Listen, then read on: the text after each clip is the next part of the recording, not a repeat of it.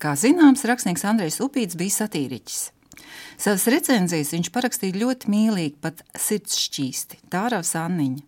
Ar šo pseidonīmu viņš debitēja Pēterburgas avīžu literārajā pielikumā 1903. gada 19. februārī. Un uh, pirmais raksts ar Tāravs Anniņas vārdu bija pārtulkojums no tās grāmatas, ko Jānikiešu ganu puikas atraduši uz lielceļa starp Duduriešu mācītāju mūžu un baznīcas skrogu. Es labprāt arī ticu, ka grāmatas tādā veidā uz lielceļiem tiek atrastas. Upīšu kopotos rakstus es ieraudzīju kādā grāmatā kaudzē pie miskastēm Rīgā, Teigas rajonā 94. gadā. Nevarēju nepaņemt tāra sanniņu, jo ir bauda viņu lasīt. Andreja Upīša un Tāras Anniņas biogrāfijas attīstījās paralēli. Upīts rakstīja, ka vispirms Anniņa bija jaunkuns, kurai daudz paziņu, citai tomēr neķers neviens. Tad viņa kļuva par vecmeitu, tad viņai palēmējās apprecēties un tika pie trim draisklīgiem bērneļiem. 40 gadu vecumā Anniņai joprojām bija vīrs un nu jau četri bērni. Reālajā dzīvē Andrejs Upīts bija cerējis uz pedagoģu Martu Rinku. Martai Rinkai pagājušajā gadā Upīšu memoriālajā dzīvoklī Rīgā kas ir muzejs, mākslinieca Ieva Epner izveidoja ļoti delikātu izstādi Pirmā dāvana. Martai Rinkai Upīts veltīja ļoti gāru, izvērstu, sentimentālu dzējojumu pavasara dziesmu. Marta upīti noraidīja, un upīts beig beigās aprecēja bagātāko skrīveru meitu. Neraugoties uz privātām paralēlēm, tomēr paliek jautājums, kas tā par grāmatu, ko gana puikas atrada uz lielceļa. Grāmatas nosaukums ir dziesmu rota jaunekļiem un vīriešiem.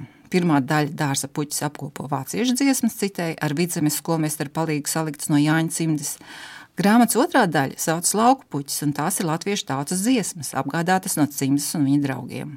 Grāmatu dziesmu rota driķēta Leipcigā 1872. gadā. Lūk, dārza puķu sadaļā atrodama komponista Friedrika Zilhera dziesma Tāravs Anniņa. Dzēnieku vārds grāmatā nav norādīts, jo ilgi pastāvēja uzskats, ka tā ir vācu tautas dziesma.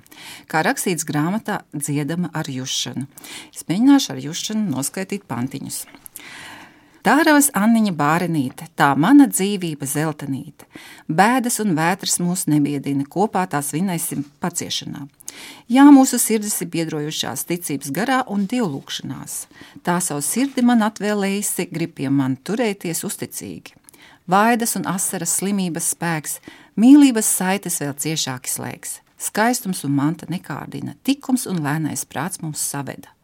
Tārvas Anniņa, mans prieks iemīļots, tu mana dvēsele, manta un gods.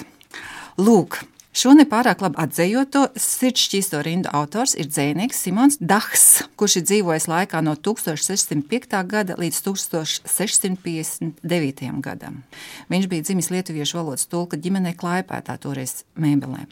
Šeit dzīvoja Lējas vācu kolonisti. Simons Dahs kļuva par Karloču, jeb Kenigsbergas universitātes dzējas profesoru. Viņš rakstīja Mēmeles Lējas vācu dialektā. Mīlas dzējoli Anke von Tāhau Simons Dahs uzrakstīja rakstīja kā veltījumu Annas Neanders un mācītāja Johannese Portatīvusa kāzā. Tā no kuras nāca Anniņa, ir vieta pie Kenigsbergas. Augšvācu valodā dzējoli pārtulko izcilais literatūras kritiķis, filozofs un dzējnieks Johans Gottfrieds Herders. Simona Daha dzējolim uzmanību pievērs vairāk komponisti. Vācijā mīla dzējols folklorizējās, un Daha vārds dabīgi izgaisa. Taču savu novadnieku, baroku laika dzējnieku Simonu Dahu neaizmirs lietuvieši.